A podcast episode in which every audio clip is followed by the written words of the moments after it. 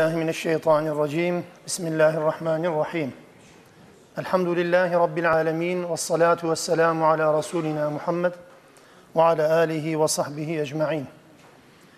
رب اشرح لي صدري ويسر لي أمري واحلل عقدة من لساني يفقه قولي وأفوض أمري إلى الله. إن الله بصير بالعباد. لا حول ولا قوة إلا بالله العلي العظيم.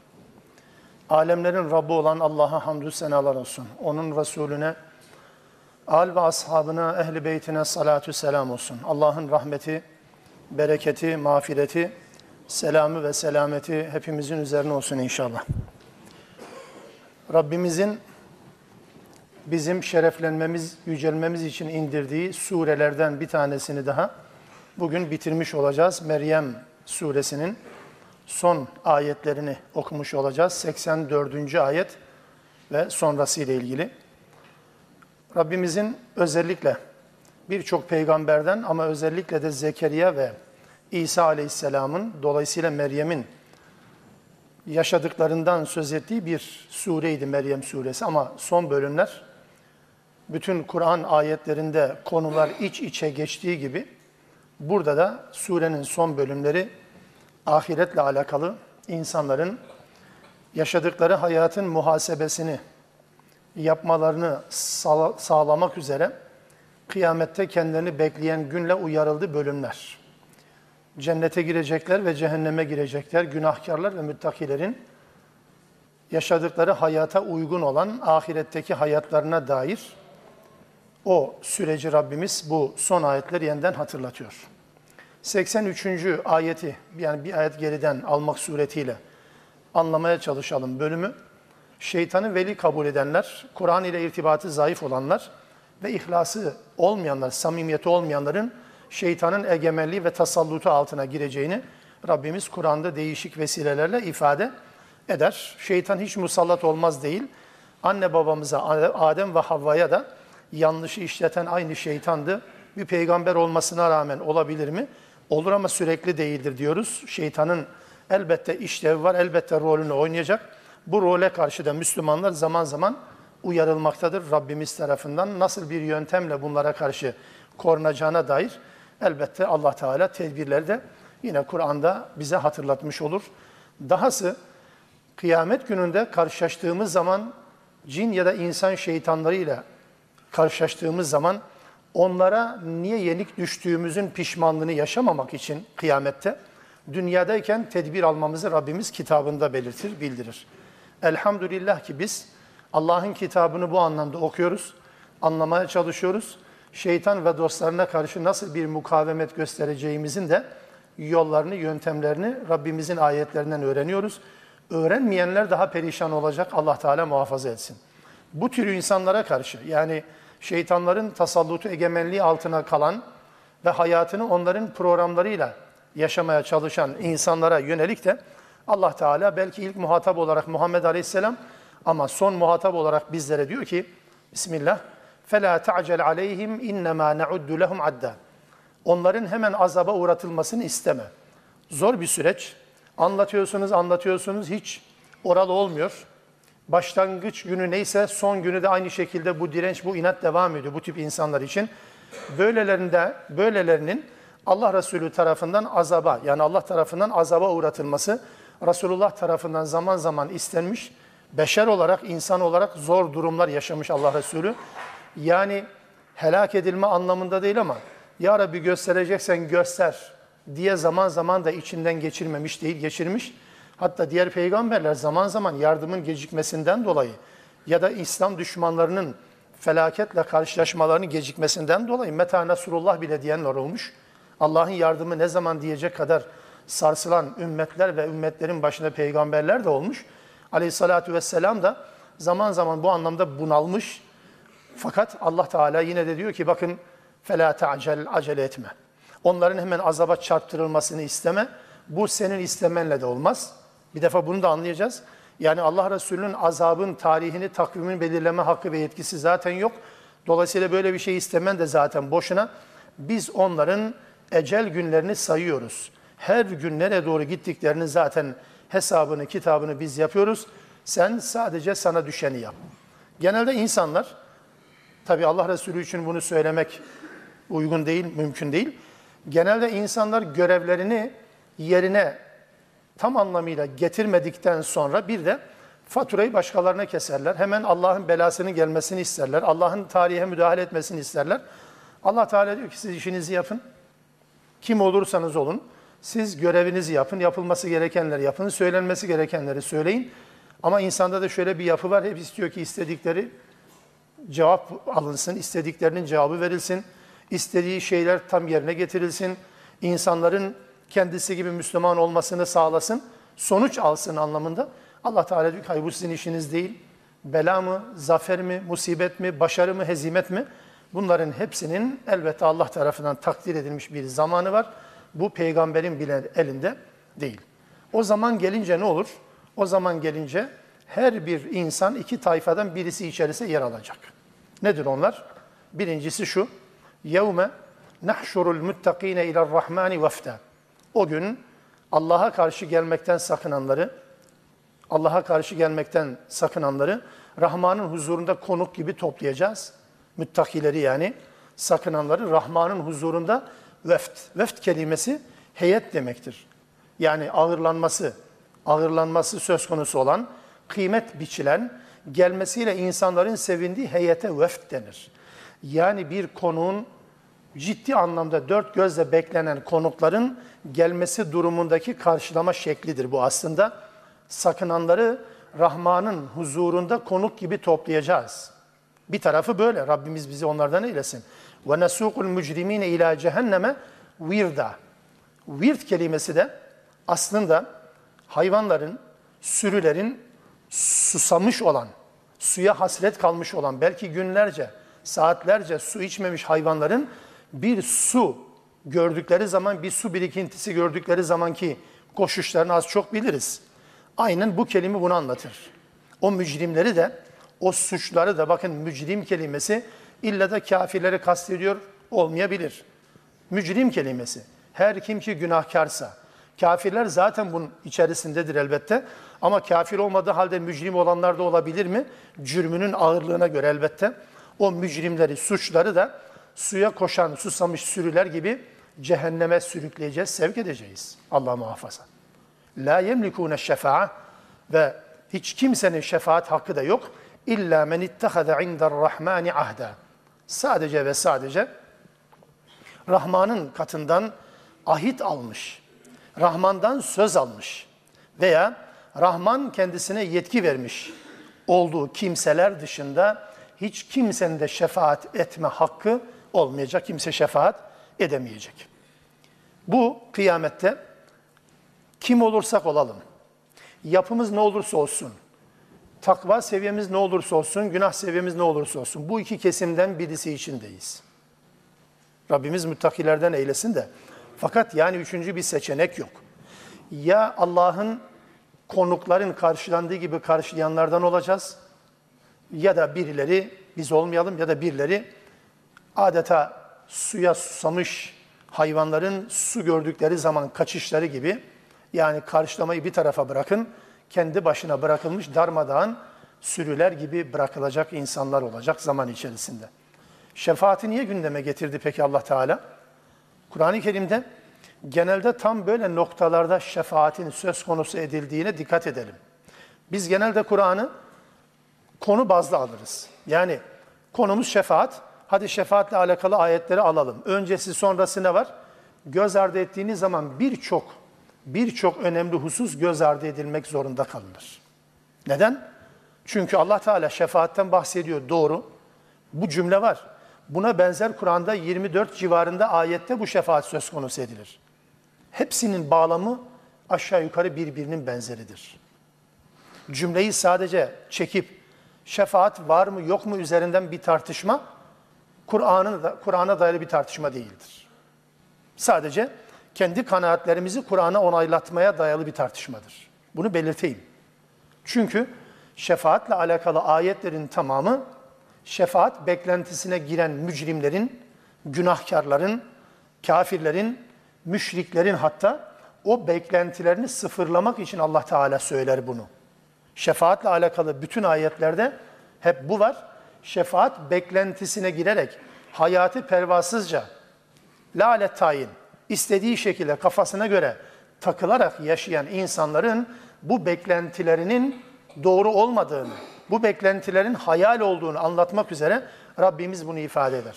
Dikkat edin, mücrimlerle alakalı konu bahsedilirken yeniden Allah Teala dedi, Rahman'ın katından ahit almışların, söz almışların ya da Rahman'ın yetki vermiş olduğu kimselerin dışında kimse şefaat etmeyecektir.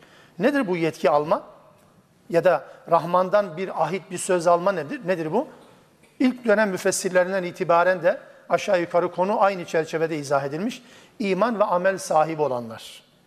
İbn Abbas diyor ki burada ahit ve söz Allah'tan başka ilah olmadığını şehadet etmek, güç ve kuvvetin sadece Allah'a ait olduğunu kabul etmek, Allah'tan başka kimseden beklentiye girmemek, hani kulların Allah üzerinde hakkı vardı ya, nedir o? Bu şekilde iman ederseniz benim de sizi cennete koyma görevim var, hakkım var diyor Allah Teala. Sizin bendeki hakkınız bana benim istediğim şekilde kulluk yaparsanız benim sizi cennete koymamdır. Benim de sizin üzerinizdeki hakkın, hakkım nedir? Sizin de bana kulluk yapmanız. Hiç kimse ortak koşmadan kulluk yapmanızdır. İşte bu ahit müminler, müttakiler tarafından yerine getirildiği takdirde elbette Allah Teala nezdinde rahata erecek olan kimseler olacak bunlar. Tabi burada kimin şefaat edeceği ve kime şefaat edileceği de yani konu şu değil aslında. İster istemez bu tür konuları tartışmak zorunda kalıyoruz. Neden?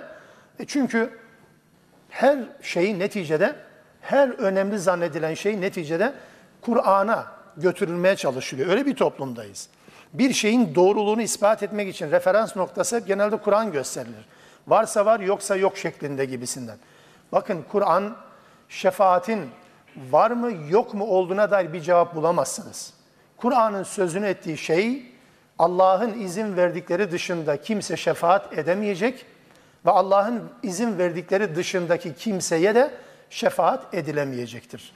Bunun dışında arasanız da başka bir şey bulamazsınız.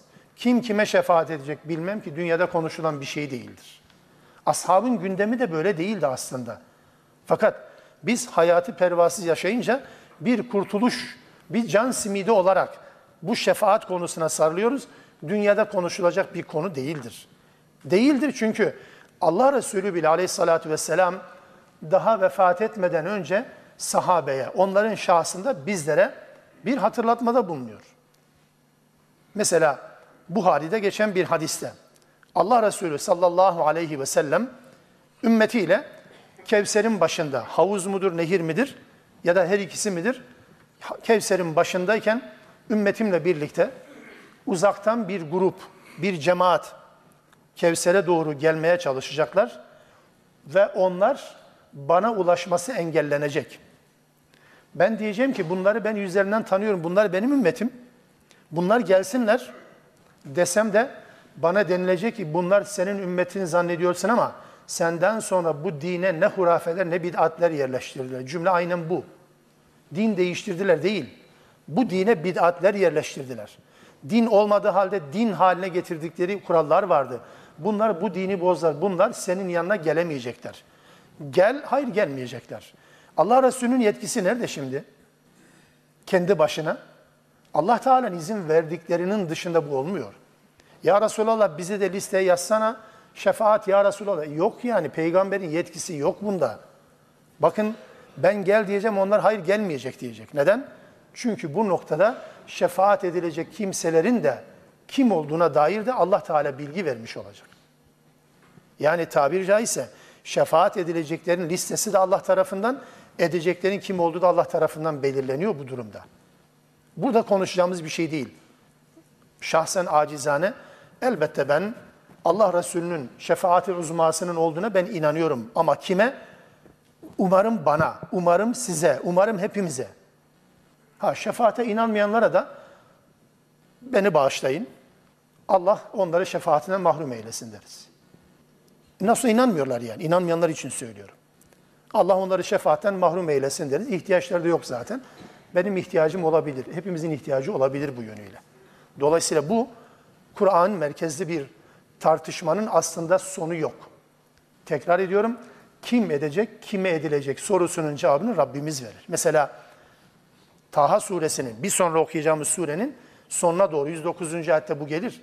يَوْمَيْذٍ لَا تَنْفَعُ الشَّفَاعَةُ اِلَّا مَنْ اَذِنَ لَهُ الرَّحْمَانِ وَرَضِيَ لَهُ قَوْلًا Kimin şefaate fayda verebilir?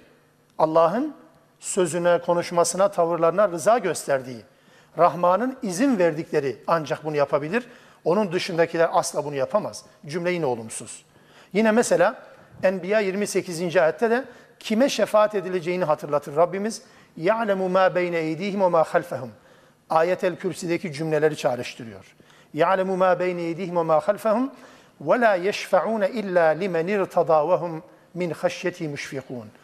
Allah'ın razı olacağı kimselerin dışında kimse şefaat edilmeyecektir. Dolayısıyla bunu bu şekilde anlamak zorundayız. Yoksa konu evet hayır konusu değildir. Var mıdır, yok mudur değil. Vardır ama herkesin kendi isteğine göre. Bırakın kendi isteğini, peygamberin bile kendi isteğine göre olmuyor. Hatta bırakın onu Tevbe suresinin Tevbe suresinin bir ayetini hatırlatayım. İstağfir lehum ev la testağfir lehum. Felen yağfirallahu lehum in testağfir lehum seb'ine marraten. Onlar için 70 kez istiğfar etsen de felen yağfirallahu lehum. Allah onları bağışlamayacak. Dünyada peygamber birileri için istiğfar dileyecek. İstiğfarı hak eden olmadıkları için Allah Teala diyor ki senin istiğfarını kabul etmeyecek Allah. Peygamberin her istediğini Allah kabul etmek zorunda gibi düşünmeyelim. Elbette burada neticede otorite, yetki sahibi elbette sadece ve sadece Allah'tır. Onun için Allah Teala bu gibi yerlerde özellikle bir can simidi gibi şefaate yapışmaya çalışanlara diyor ki bir dakika kimden yetki aldınız? Kimse bu yetkiyi verdi? Şefaat eden ya da edilen olarak kim var ortada? Kime söylüyorsunuz bunu? Bu bana kalmış olan bir şeyde siz kendi kendinize deyim yerindeyse gelin güvey oluyorsunuz. Dolayısıyla bunu bir köşeye koyalım amellerimizle Allah'a yaklaşmaya çalışalım, Allah'ın rızasını kazanmaya, hak etmeye çalışalım. Mesele budur, bu kadar net. Şefaatle alakalı bütün ayetlerin de olumsuz cümle formunda geldiğini yeniden hatırlatayım. Nasıl olumsuz cümle formunda? Yani şefaat vardır, şefaat haktır gibi bir cümle formu yok Kur'an'da. Hep nedir? Allah'ın izin verdikleri dışında kimse şefaat etmeyecek, Allah'tan başka şefaat yetkisi kimse olmayacak vesaire gibi cümleler bu şefaatin olmadığı anlamına gelmiyor, izne bağlandığı anlamına gelir. Bunu ısrarla da belirtmiş olalım. Ayet 89. وَقَالُ اتَّخَذَ الرَّحْمَانُ وَلَدًا İnsanlardan kimileri Rahman çocuk edindi dediler. Rahman isminin ne kadar sık geçtiği dikkatimizi çekiyor bu son e, ayetlerde son bölümde. Rahman çocuk edindi dediler. Kimileri لَقَدْ جِئْتُمْ شَيْئًا idda. Bunu söylemekle siz ey bu sözü söyleyenler. Gerçekten çok çirkin, çok kötü bir iddia, kötü bir söz ortaya atmış oldunuz. Rahman çocuk edindi sözüyle. Kim bunu diyor? Müşrikler melekleri Allah'ın kızları olarak nitelendiriyor. Yahudiler Üzeyr Allah'ın oğlu olarak nitelendiriyor. Hristiyanlar da Mesih İsa Allah'ın oğlu olarak nitelendiriliyor. Allah Teala çocuk edinmekten münezzehtir. Çocuk sahibi olmak bir ihtiyaçtır. Allah ise herhangi bir ihtiyacı olmadığı için zaten eşsizdir, ortaksızdır. Çocuk sahibi olduğunu iddia etmek, Allah'ın ihtiyacı olduğunu iddia etmekten farklı değildir. Bunun için Allah Teala bu ve buna benzer cümleleri reddetmiştir. Hatta getirmiştir İhlas suresinde. Rabbimizin bizati kendisini en öz ifadelerle tanıt İhlas suresinde de bunu koymuş. Lem yelit ve lem yulet demiştir. Allah ne doğurmuştur ne de doğmuştur. Ne bir çocuk sahibi olmuştur ne de bir anne babanın çocuğudur. Bunun şu anlama da geleceğini, gelebileceğini zaman zaman hatırlatmış oluyorum. Tekrar yerine yeri gelince hatırlatayım tekrar. Çocuk edinmek biyolojik anlamda bir babanın evladı, bir evladın babası olmak anlamında doğurmak, dünyaya getirmek veya gelmek şeklinde anlaşılır haddi zatında Hristiyanlar İsa'nın Allah'ın bizatihi biyolojik anlamda oğlu olduğunu mu düşünürler? Ya da Üzeyr Allah'ın bu anlamda Allah'tan doğma bir çocuk olduğunu mu düşünürler veya meleklerin Allah'ın kızları olduğunu düşünen müşriklerin inancı gibi? Ben böyle bakmadım mesele, bakmıyorum da. Meseleyi şu açıdan değerlendirirsek daha doğru olur. Çünkü Hristiyanlık ilahiyatı, Yahudilik ilahiyatı teolojisi dediğimiz inanç sistemi bunun üzerine bina ediliyor. Ve bu bina edilen sistem yetkinin alınması ve yetkinin verilmesi üzerinden işliyor. Yani Allah çocuk edindi demek, Allah bu yetki birilerine verdi demektir. Allah babadır demek, ondan yetki almış demektir. Tersini söylerseniz çocuk olmak da birinden yetki almak demektir. Baba yetki verendir, çocuk yetki alandır. Biyolojik anlamda da babalar ve anneler çocuklarına bir takım şeyler bırakmazlar mı? Mirastır, kültürdür, maldır vesaire vesaire. Bunları miras bırakırlar. Baba ve evlat ilişkisinde bu merkezdedir. Gelelim Hristiyanların baba oğul ikilemine. Ruhul Kudüs üçlüsü de var da onu şimdilik dışarıda bırakıyorum. Nedir bu aslında? İsa yeryüzünde Allah'ın, Tanrı'nın daha doğrusu yetkilisidir. İsa da bu yetkisini rahip ve rahibelere bırakmıştır. Bir insan neden kendi evinde tevbe ettiği zaman bağışlanmaz da illa da kiliseye gitmek zorunda? İlla da vaftiz yapmak zorunda? İlla da rahip ve rahiben ya da rahibin huzurunda bunu yapılması zorunlu? Neden? Çünkü bu ancak Tanrı'nın yetki verdiği bir insan tarafından yapılabilir. O İsa'ydı. İsa'nın ruhunda bütün tecelli eden bütün rahiplerdedir bu yetki. Gufran törenlerinin yapılış şekli de budur. Onun için buradan bunu söylüyorum. Aslında Allah çocuk edindi ya da İsa Allah'ın oğludur demek, Allah'ın temsilcisidir demek anlamına gelir. Allah Teala yeryüzünde herhangi bir temsilci göndermez. Sadece elçi gönderir. Kendi muradını insanlara aktaracak, anlatacak. Gerektiği zaman da pratize edecek, gösterecek. Elçiler gönderir. Çocuk da edinmez, kefil de edinmez, temsilci de edinmez. Ya da işte ne bileyim onun adeta mirasını yansıtacak olan bir takım varisler de edinmez Allah Teala. Bu yönüyle Allah Teala'ya çocuk isnat edenler şu veya bu şekilde Allah'ı tanımıyorlar demektir. Şirkin bir şekli olmasının nedeni de herhalde bu olsa gerek. Üstelik bu söz öyle basit bir söz değil. Bir çırpıda ağzımızdan çıkıyor bu söz ama tekadüs semavatu yetefattarna min. Neredeyse Rahman'a çocuk isnat ettiler diye bir söz söyledi Allah Teala. Rahman'a çocuk isnat etme sözü, iddiası neye neden oluyor biliyor musunuz Allah'a göre? Tekadu tekadüs semavatu yetefattarna min. Gökyüzü bununla parçalanmış oluyor. Ve tenşakkul ardu. Yer yarılmış oluyor. Ve tahirrul cibalu hadda. Ve dağlar darmadağın oluyor. Ne diye? En da'u lirrahmani veleda. Rahman'a çocuk isnat ettiler diye. Düşünebiliyor musunuz? Gök parçalanıyor, yer yarılıyor, dağlar darmadağın oluyor, duman oluyor. Neden? Bu sözden dolayı. Yani bu sözün yere bir nüfuzunu insanlar gözleriyle görseler, kulakları işitselerdi bu tablo cereyan ederdi her gün. Gök parçalanmasına, yerin yarılmasına, dağların toz duman olmasına neden olan bir söz. Meseleyi anlamaya çalışalım. Kur'an'da zaman zaman bu tür teşbihleri Allah Teala koyuyor ortaya ki anlayalım. Gök niye yarılsın ki, yer niye yarılsın? Gök niye parçalansın, darmadağın olsun ki? Bir söz, İsa Allah'ın oğludur dediler, ağızlarından çıktı.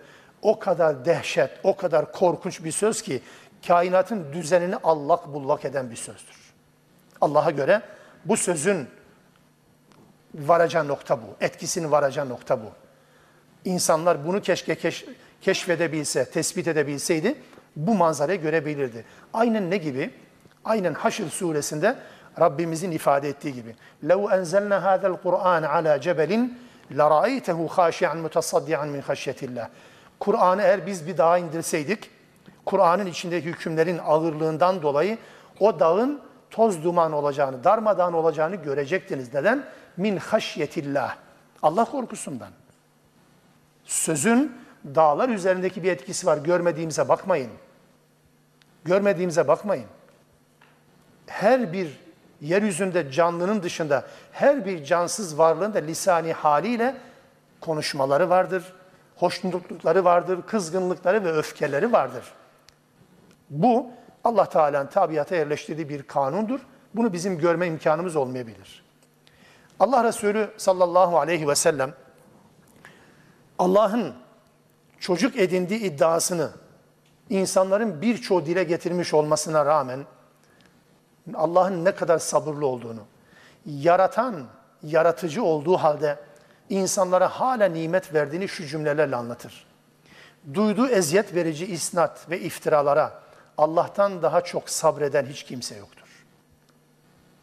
Biz biz kendimize bir hakaret olsa, biri bize bir saygısızlık yapsa onu bir tarafa not ederiz, çizeriz değil mi?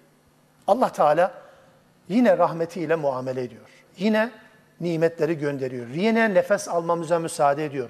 Boğazımızı sıkmıyor, gözümüzü kör etmiyor, nefes aldırmaz hale getirmiyor. Bu Allah'ın sabrı. Allah'a ortak koşarlar diyor Allah Resulü. Çocuk isnat ederler. Yine de Allah onlara afiyet verir. Yine de Allah onları rızıklandırır. Yine de Allah onlara verme devam eder. Bu zaten Rahman olmasının gereğiydi. Onun için Allah eğer insanların birbirine muamele etmeleri gibi muamelesi olsaydı yeryüzünde nefes alacak varlık da kalmazdı, insan da kalmazdı. İşin bu sözün ne kadar ağır olduğunu bu cümlelerle ifade ediyor Rabbimiz. وَمَا يَنْبَغِي لِلرَّحْمَانِ اَنْ يَتَّخِذَ وَلَدًا Kaldı ki Rahman zaten çocuk edilmesi yaraşmaz ki kendisine. Rahman'ın çocuk edilmesi gibi bir yakışık olmaz ki zaten. Çocuk ihtiyaçtan kaynaklanır. Rahman zaten her şeyin sahibi. İn kullun men fis semavati vel ard illa atir rahmani abda. Gökte ve yerde olan herkes ve her şey zaten onun ve göklerde ve yerde bulunan herkes de Rahman'ın huzuruna kul olarak çıkacaktır. Hiç kimse Rahman'ın özel statüsü, özel statülü kul olarak değil. Herkes Rahman'ın huzuruna kul olarak çıkacaktır. Peygamberler de, melekler de. Gökte ve yerde kim varsa hepsi Rahman'ın huzuruna bu şekilde çıkar, başka türlü çıkmayacaktır. Dolayısıyla herkes bu anlamda bu şekilde çıkacağına göre kimsenin Allah'ın çocuğu ya da Allah'tan yetki almış, Allah'tan vekalet almış bu havaya girmesine gerek yok. Herkes Allah'ın huzurunda kul statüsünde olacaktır. Belki de ondan dolayı Allah Resulü aleyhissalatu vesselam daha tebliğinin ilk cümlelerin birisi buydu. Kızım Fatıma, halacığım, teyzeciğim, amcalarım, dayılarım, akrabalarım ilk defa bunlarla yüzleşirken benden dünyalık anlamında ne isterseniz isteyin gücüm yettiği kadar verebilirim. Ama kıyamette benim size hiçbir yardımım olmayacak bunu bilin. Kızı Fatıma da diğerleri de böyleydi. Neden? Kıyamette herkes kul olarak kendi yaptıklarıyla yüzleşecektir. Kimse babasının peygamber olduğu ya da oğlunun peygamber olduğu ya da kocasının peygamber olduğu ya da bilmem kardeşinin peygamber olduğuyla ne övünebilecek ne de bu onun kurtuluşuna vesile olabilecektir. Herkes Rahman'ın huzuruna abd olarak, kul ve köle olarak çıkmış olacak. لَقَدْ اَحْصَاهُمْ وَعَدَّهُمْ عَدَّ Andolsun ki Rahman onların yaptıklarını sınırsız ilmiyle kuşatmıştır ve hepsini bir bir tespit etmiştir. Ve kulluhum atihi yevmel kıyameti farda. Onların her birisi de kıyamet günü Rahman'ın huzuruna yalnız başına gelecektir. Ne demek yalnız başına? Yaratılırken yalnız, Allah'ın huzuruna da yalnız başına gidecektir. Maldan, mülkten, taraftarlarından, cemaat ve cemiyetinden, evladından, statülerinden, ayrılmayacağını zannettiği koltuğundan, makamından, mevkisinden, ünvanlarından, tümünden bağımsız olarak Allah'ın huzuruna gelecektir ve fert olarak Allah onu hesaba çekecektir. Çekerken Rabbim bizi 96'daki kullardan eylesin. İnnellezîne âmenû ve amilus salihâti seyec'alu lehumur rahmanu vudda. İman edip salih ameller işleyen, güzel işler yapanlar, Allah'ın salih damgasıyla damgaladı güzel işleri yapanlar, işte Rahman onları sevimli kılacaktır. Nasıl yani? Rahman onlara bir sevgi verecek. Onların kalbine mi, onlara karşı insanların kalbine mi? Her iki taraftan da. Seyec'alu lehumur rahmanu vudda çift taraflı bir sevgiden bahsediliyor. Yani hem kendi katında sevimli hem de insanlar katında sevimli hale getirecektir. Kimi? İman edip salih amelde bulunanları. Bir insanın bir insanın müttakiler, salih insanlar, Müslümanlar tarafından ortak olarak sevilmesinin veya bir insanın yine müttaki Müslümanlar tarafından buz edilmesinin, sevilmemesinin esprisi sadece gönülden gönüle bir yol gider o mantık değildir. Asla ve kat'a. Bir insanın kimler tarafından sevildiğini tespit etmek şartıyla söylüyorum. Herkesin kendince aşıkları vardır. Firavun Allah düşmanıdır. Onu da hayatın merkezine koyup onsuz olmaz diyen sevdalıları var. Aynen peygamberler kadar. Ama bir o kadar peygamber düşmanı var, bir o kadar da Firavun düşmanı var. Bundan bahsetmiyorum. Müttaki Müslümanlar tarafından bir insan genel anlamda seviliyor ya da bir insan müttaki Müslümanlar tarafından ortak payda olarak buz ediliyor. Ya nefret, o nefret, bu nefret acaba ne? Bunu Allah Resulü'nün uzunca bir hadisinden çok net bir şekilde okuyoruz. Allah Teala kendi katında sevimli kılıyor, insanlar nezdinde de, insanların kalbinde de onun sevgisini yerleştiriyor. Bu bir kuraldır. Allah Resulü diyor ki, şüphesiz Allah bir kulu sevdiği zaman Cibril'e der ki, ey Cibril ben filanı seviyorum, sen de onu sev buyurur. Cibril onu sever. Sonra Cibril gök ehline nida eder, seslenir ve der ki, Allah falanı seviyor, siz de onu sevin der. Gök ehli de onu sever. Sonra Allah onu yeryüzünde sevilen birisi haline getirir. Kalplere nüfuz eden Allah. Bunun tam karşısında ne var? Allah Teala bir kula buğz ettiği zaman Cibril'e de ey Cibril ben filanca buğz ediyorum sen de ona buğz et. Bunun üzerine Cibril de ona buğz eder. Sonra gök ehline diğer meleklere tabii ki şüphesiz Allah filana buğz ediyor. Siz de ona buğz edin diye nida eder ve gök ehli de ona buğz eder. Sonra yeryüzünde onun için buz, öfke konulur. Hint Müslüman olduğu zaman Allah Resulüne gelip itirafta bulundu. Ben daha önce yeryüzünde senden daha çok nefret ettiğim hiç kimse yoktu. Ama şu an senden daha çok sevdiğim hiç kimse yok. Nasıl birden değişti? Nereden nüfuz etti? Neyi enjekte ettiler? Bu enteresan bir şeydir. Bir insan bir insan tarafından aniden zorla da sevilmez, zorla da nefret edilmez.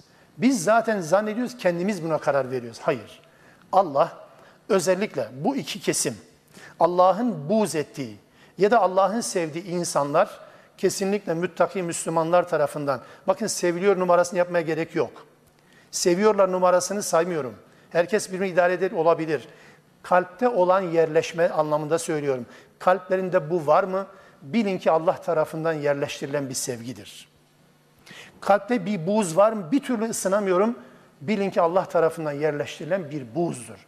Allah ki buz ediyor. Meleklere buz edin diyor. Herkes buz ediyor. Yeryüzünde de herkes Allah'ın egemenliği altında kalpleri evirip çevirip buz ediyorlar ve seviyorlar. Bu yönüyle Allah Teala insanlara bu sevgiyi, bu sevilme özelliğini Rahman verir. Rabbim bize bu anlamda lütfunu esirgemesin. Bir konu daha var bu konuyla ilgili. Mesela Kur'an'da zaman zaman peygamberlerin tebliğlerinden, davetlerinden söz ederken ortak bir noktadır. Ücret istememek. Ücret istememek. Yani bir karşılık. Bu para, bu nakit, bu itibar, bu şan, bu şöhret, bu yardım, bu, bu saygı neyse yani. Dünyalık anlamında karşılık ne olursa olsun tebliğin, davetin karşında böyle bir şey olmaz. Olursa bu Allah'ın yasasına aykırı olur. Fakat ilginçtir. Mesela Şura suresinde, Şura suresinde peygamberin şahsında bütün davetçilere bir konu hatırlatılır. Kul la es'elukum aleyhi ecran. De ki ben sizden bir ücret beklemiyorum. Sizden bir karşılık beklemiyorum. Beklediğim tek şey var. İllel meveddete fil kurba. Akrabalık bağları adına sevginizi bekliyorum. Sevilmek, sevilmeyi beklemek davet için önemli bir şarttır kardeşler. Sevilmeyen insanların davetinden de hayır çıkmıyor biliyorsunuz. Sevilmek. Sevgiyi, Rahman'ın sevgi oluşturmasını elbette Rahman'dan istemek ama aynı zamanda bu bir bedel değil, bu ücret kapsamına konmuyor. Dikkat ediyor musunuz? Ücret kapsamına girmiyor bu. Ya Meveddet istiyorum sizden. Hiçbir şey yapmıyorsanız en azından akrabalık hatırına, akrabalık bağları hatırına bir meveddet, bir sevgi bekliyorum. Bu beklenti Allah Teala ruhsat olarak ortaya koyuyor. Ücret istemiyorum. Ücretin dışında sizden sadece bir meveddet istiyorum. Şimdi istisna cümlesinden önce ve sonrasıyla ne alaka var? Yani ben sizden yemek istemiyorum, sadece bir ekmek istiyorum der gibi bir şey ilişkili olan şeylerdir. Davette ücret istenmez ama davette meveddet, meveddete talip olmak yasak değil. Sevgi, saygı, yani bu anlattığının karşılığı olarak değil tabii ki. Sadece anlatılanın sevilmesi anlamında bir sevgi, bir muhabbetin istenmesi de elbette uygundur. En azından din bu noktada bir ruhsat veriyor peygamber şahsında bizlere. Fe innema yessarnahu bilisanik. Biz bunu bu Kur'an'ı senin dilinle indirdik ve kolaylaştırdık. Litübeşşira bihil muttakin. Müttakileri uyarasın, e, müttakileri müjdeleyesin diye ve tunzira bihi kavmen ludda. Ve de inat edenleri, inkarcılıkta inat edenleri, direnenleri de uyarasın diye biz bu Kur'an'ı senin dilinle kolaylaştırdık, vahyettik ve böyle indirdik, anlaşılır hale getirdik. Surenin son ayetleri, surenin son cümleleri bunlar. Neden bunu söylüyor? Yani vahyin muhatabı olan insanlardan bahsetti. En basit bir şekilde anlaşılıyor, anlatılıyor, söyleniyor. Buna rağmen insanlar işi zora sokabiliyor. Allah'ın çocuk edindiğini söyleyebiliyor. Başka ilahları Allah'a eşdeğer tutabiliyorlar. Oysa Kur'an'da hepsi anlatılmıştır. Çok basit, çok sade, yalın. Şöyle muhtemel bir soru da olabilir. Yani bu insanların bu insanların bu kadar inat etmelerinin nedeni acaba Kur'an'ın anlaşılmaz olması mıdır? Acaba insanların iyi bir Müslüman olmamasının nedeni Kur'an'ın zor anlaşılıyor olması mıdır? Allah Teala hayır diyor. Lekad yessarnal Kur'an. Yessarnahu ya da biz o Kur'an'ı kolaylaştırdık. Allah'ın kendisi, kitabın sahibinin kendisi Kur'an'ı kolaylaştırdık diyor. Bir insanın kalkıp da Kur'an'ın anlaşılmasının zorluğunu iddia etmek, bunu savunmak kelimenin en basit ifadesiyle küstahlıktır. Allah biz kolaylaştırdık diyecek. İnsanlar da yok bu çok zordur diyecek. Doğrudur. Bize göre zordur çünkü biz anlamak istemeyiz. Anlamak isteyenler için o kadar kolaydır ki. Bunu zaman zaman ifade etmeye çalışıyorum. Elbette çalışacağız da. Yine de bir defa mesela Kamer suresinde bu cümle dört defa peş peşe anlatılır. وَلَقَدْ يَسَّرْنَا الْقُرْآنَ لِلذِّكْرِ فَهَلْ مِنْ مُدَّكِرٍ Biz Kur'an'ı lizzikir, zikir için, gündemde tutulmak üzere, gündemde tutulmak üzere, hatırlamak üzere, öğüt almak üzere Kur'an'ı kolaylaştırdık. Öğüt alan yok mu? Kamer suresinde 17, 22, 32, 40. ayette her biri bir peygamber kıssası anlatıldıktan, kısaca anlatıldıktan hemen sonra gelir. Dört kez. Kur'an'ı kolaylaştırdık. İçtihad için kolaylaştırdık iddiası yok Allah'ın. Hüküm çıkarmak için değil, öğüt almak için. Yol bulmak için. Hidayet rehberliği yapmak üzere bu Kur'an'ı Allah Teala kolaylaştırmıştır. Açık ve nettir. Allah aşkına söyler misiniz? Bir Müslümanın kitabın kitabın doğru, hakikat, Allah kaynaklı olduğuna inanan ya da inandığını söyleyen bir Müslümanın bir haftada bir haftada Allah'ın Rabbinin ayetlerinden bir ayeti. Bu haftamızın konusu Elhamdülillahi Rabbil Alemin. Bir sonraki hafta Ar-Rahmanir-Rahim. Bir sonraki hafta Maliki Yevmiddin gibi. Haftada bir ayet. İşimiz çok ya. Her gün bir ayet demiyorum. Haftada bir ayet. Yılda yılda 52 ayet yapar. 2 yılda 104 ayet yapar. 4 yılda 208 ayet yapar. 208 ayeti anlamıyla hafızasında yani ezberlik, hafızlık anlamda söylemiyorum. Bir kelimenin motamot anlamı budur anlamda söylemiyorum. Yani zihninde, hafızasında 208 tane ayet olan kaç tane Müslümanımız var ki? Üstelik namaz surelerine tahsis ettiğimiz kısa sureleri her gün defalarca okumuş olmamıza rağmen sorun Kaç kişi bu ayetlerden haberdardır?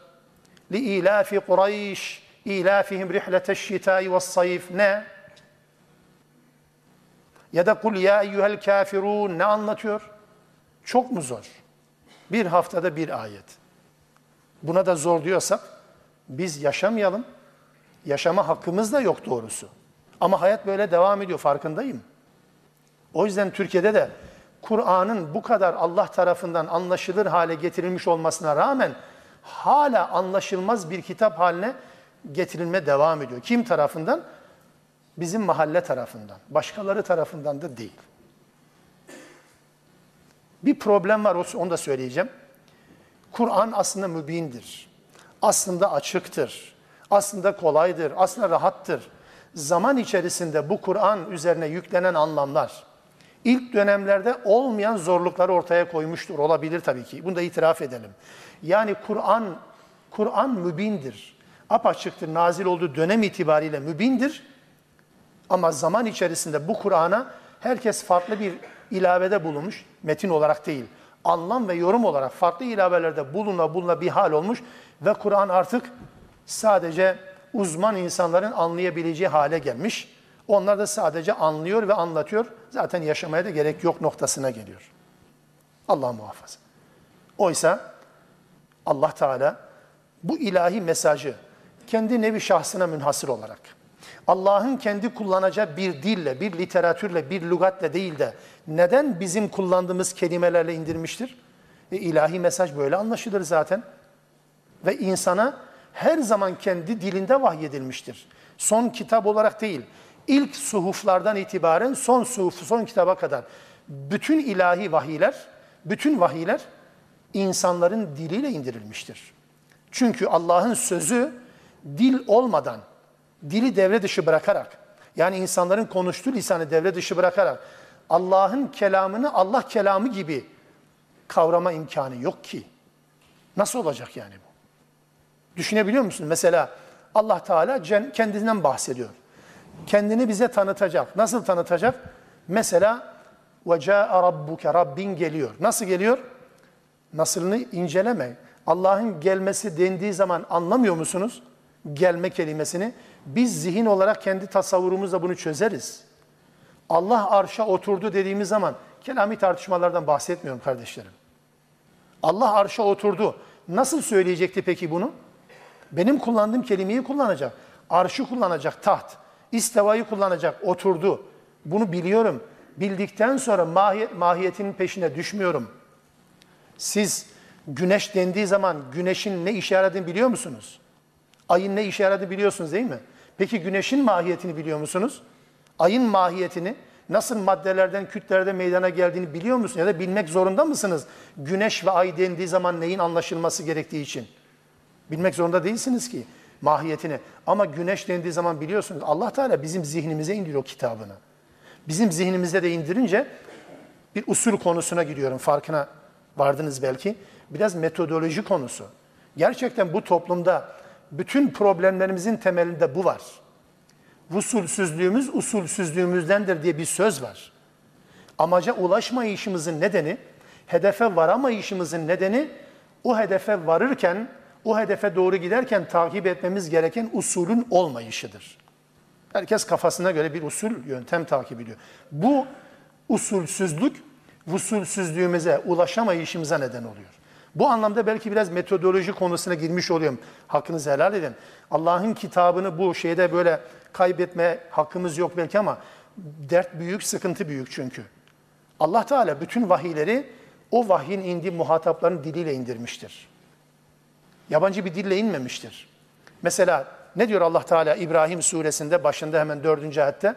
وَمَا أَرْسَلْنَا مِنْ رَسُولٍ اِلَّا بِلِسَانِ قَوْمِهِ Her peygamberi kendi kavminin lisanıyla gönderdik. Başka göndermedik ki.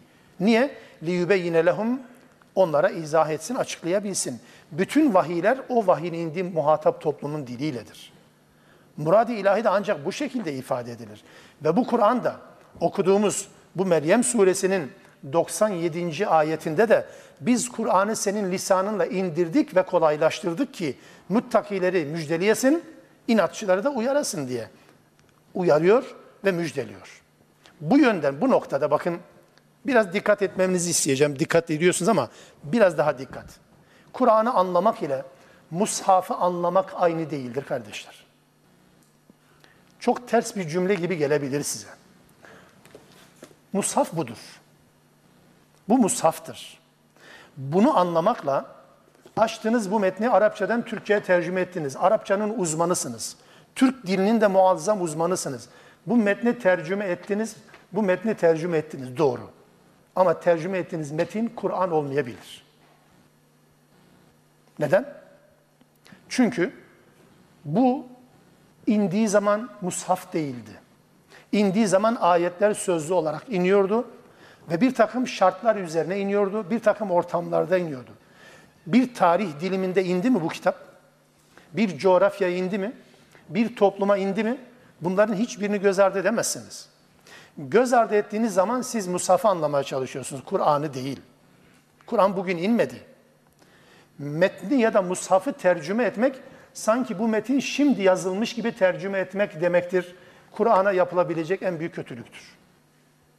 Bunu bilelim. Çok kritik bir şeyden bahsettiğimde farkındayım. Mushaf anlaşılabilir. Mushaf'ı tercüme edersiniz. Bu metni mükemmel tercüme eder anlayabilirsiniz. Anlaşılmış olabilir gerçekten. Arapça kelimeler kale dedi ki, yakulu diyor ki Rahman acıyan merhamet eden hadis söz diyebilirsiniz. Anladım. Tercüme ettiniz. Ama Mushaf'ı anlarsınız da bu Kur'an'ı anlamak demek değildir. Kur'an'ı anlamak için ayetlerin nüzul ortamını dikkate almak zorunluluğu vardır. Çünkü bu ayetler belli bir zaman diliminde, belli bir coğrafya, belli bir muhatabın zihnine indi. Onların anladıklarının dışında siz yeni bir anlam yükleyemezsiniz. Onların yüklediği anlamlardan buraya gelebilirsiniz. Orada hapsetmek değil kastettiğim. Tarihselcilik yapmıyorum. Ayetleri bir yere hapsetmek değil. Ayetlerin indiği şartları bilmeseniz sadece tercüme edersiniz. Sadece tırnak içinde söylüyorum. Mealcilik yaparsınız. Arkasından da ahkam kesersiniz. Arkasından Şeyhülislam olursunuz. Bu değil tabii ki. Bakın ne demek istediğim bir iki örnekle söyleyeceğim. Mesela İnna safa vel marvete min şairillah. Haccel beyte ve i'temara fela cunaha aleyhi en yattavvefe bihima. Bu cümleyi tercüme ediyorum. Metni tercüme ediyorum. Tercüme şu. Kelimesi kelimesine yüzde yüz doğru. Kim hac ve umre niyetiyle, o bölümü tercüme ediyorum.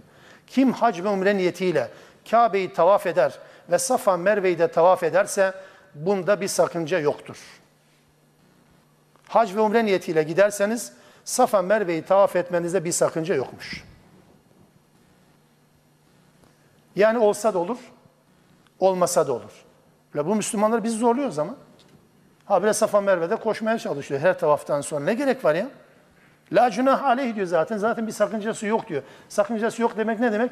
Yani arkadaşlar ben bir su içebilir miyim? İçebilirsin. Yani içmeye de bilirsin. Öyle anlaşılmıyor mu? Oysa Safa Merve'yi sahi etmek sakıncası olmayan bir iş mi? Yoksa yapılması gereken bir iş mi? Nereden çıktı? Vallahi ne kadar uzman olursanız olun bu cümlelerden bu çıkmaz. Ne zaman çıkar biliyor musunuz? Ayetin indiği şartlara giderseniz çıkar.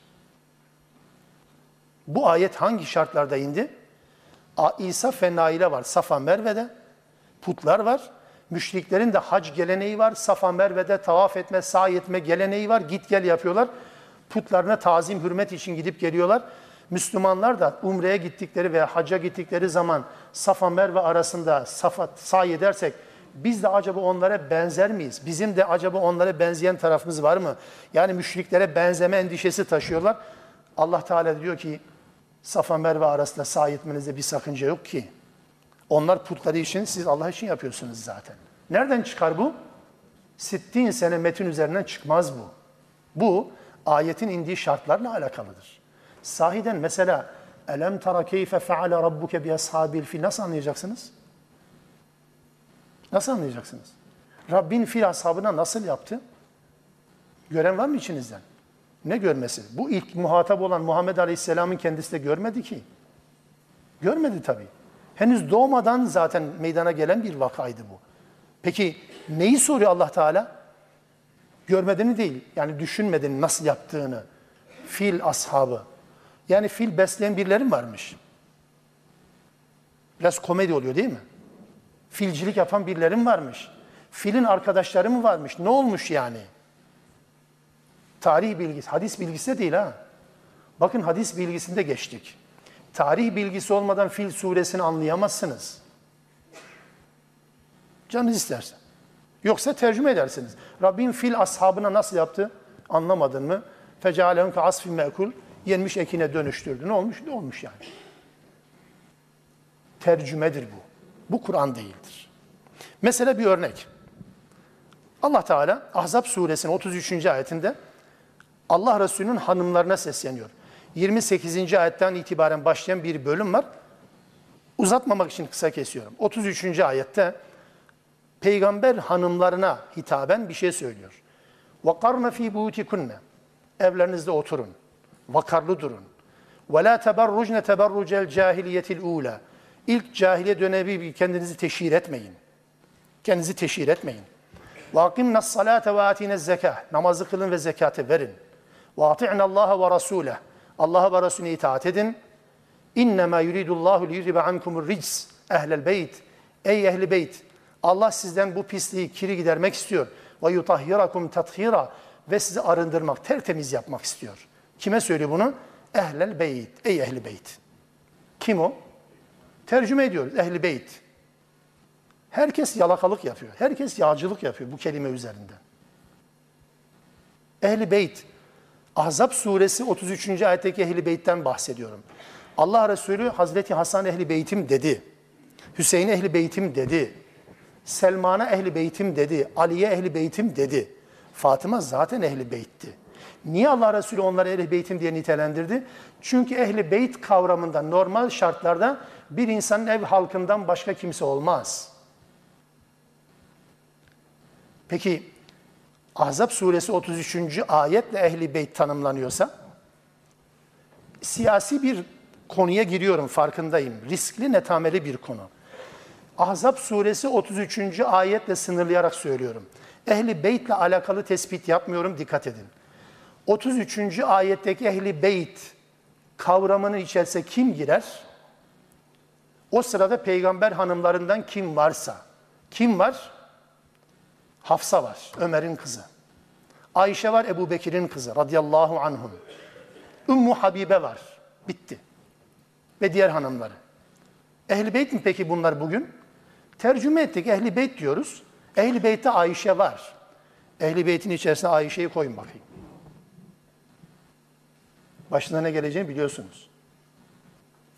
O zaman bu ayetin indiği şartlarda ya ehlel beyt dendiği zaman kim var? E onu koyacaksınız ya. Onun dışında Peygamber aleyhissalatü vesselam ehli beyt olarak vurguladı.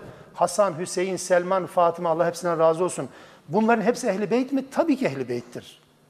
Ama bu ayette vurgulanan ehli beyt değildir. Bu ayette vurgulanan ehli beyt peygamber hanımlarıyla sınırlıdır.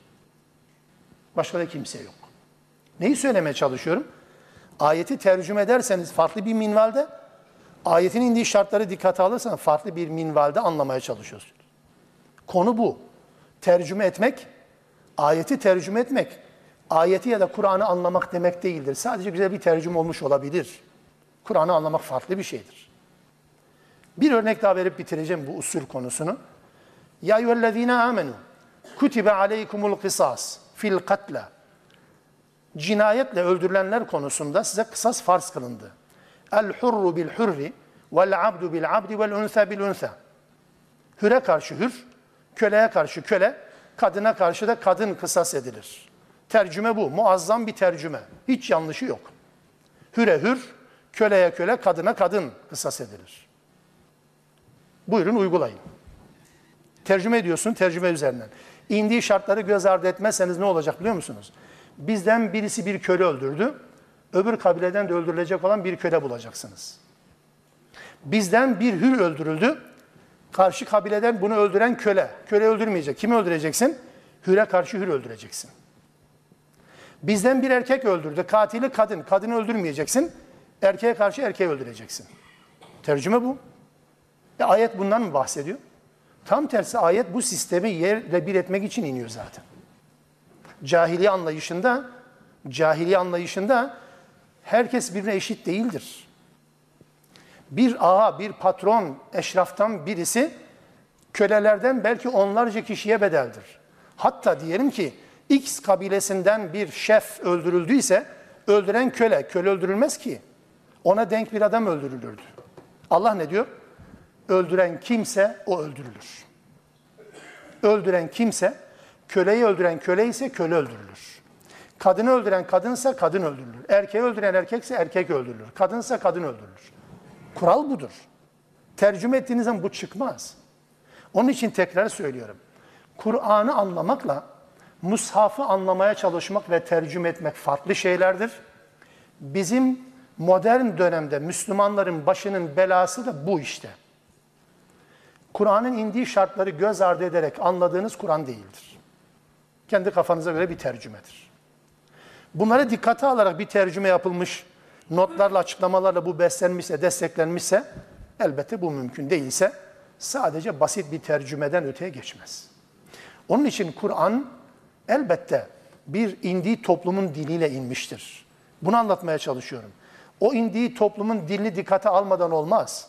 O coğrafyayı, o tarihi, o zaman dilimi, o kitleyi toplumun Kur'an'ın şekillendiği örf adetleri bilmeden olmaz. Yoksa kendi kendinize tercüme etmiş olursunuz. Hatta zurtumul mekabir, kabirleri ziyaret edinceye kadar çoğaltma yarışı sizi alıkoydu. Kabirleri ziyaret edinceye kadar. Yani bizim Boztepe'deki mezarları ziyaret edinceye kadar mı? Ne münasebet. Ölünceye kadardır. Çünkü bu cümle deyim olarak kullanılıyor. Ölünceye kadar. Mezarları boylayıncaya kadar habire arttırdınız. Bir de bakmışsın gitmişsiniz. Rabbimizin söylediği bu. Biz kelimeler tercüme ederek anlamaya çalışıyoruz. Dolayısıyla Allah Teala'nın bu cümlesini tekrar hatırlatalım. Allah diyor ki biz Kur'an'ı senin dilinle kolaylaştırmak üzere indirdik ki insanlara, müttaki insanlara müjdeleyesin bunu. İnatçılara da ne yapasın? Uyarda bulunasın ya da onları korkutasın diye kitabı senin dilinle kolaylaştırdık ve indik. Peki buna rağmen, bu kolayla rağmen inkar eden olacak mı? Tıpkı geçmişte bunun örnekleri olduğu gibi. وَكَمْ اَهْلَكْنَا قَبْلَهُمْ min karnin. Onlardan önce nice nesillerde helak ettik ya. Hel tahussu minhum min ahadin ev tesma'u lehum rikza. Subhanallah. Onlardan herhangi birinin varlığını hissediyor musunuz? Onlardan bir fısıltı duyuyor musunuz? Bir cızıltı çıkıyor mu onlardan? Bakın hepsi gitti. Sadece üzerlerinde gezip dolaşıyor. Birileri arkeolojik kazı yapıyor profesör oluncaya kadar. Kaz babam kaz profesör ol. Bitti. Helak olmuş olan toplumlar üzerinden. Öbürü de sadece bön bön bakıyor. Öbürü de sit alanı yapıyor. Öbürü turistik gezi yapıyor. Öbürü tur düzenliyor. Başka bir şey yok ki. Allah ne diyor? Bakın inkar eden insanlardan bakın helak ettiğimiz nice, nice nesiller var. Bu sadece laf olsun diye mi? Yani sadece bir tespit yapmak mı yoksa bir tehdit mi? Herhalde tehdittir. Nice nesiller helak ettik. Aklınızı başınıza toplayın. Biz bunun farkındayız. Size mühlet vermemiz demek size ihmal ettik anlamına gelmesin. Size mühlet veriyoruz diye unuttuk anlamına gelmesin bu. Allah Teala bunu kayda geçiriyor. Bunu bilin. Kitabı da o yüzden sarılın. Son ayetlerde kitabın özellikle vurgulanmasının esprisi de buydu. Zaten başlarken de öyle değil miydi? Kaf, ha, ya, ayn, sad. Zikru rahmeti rabbike abdehu zekeriya.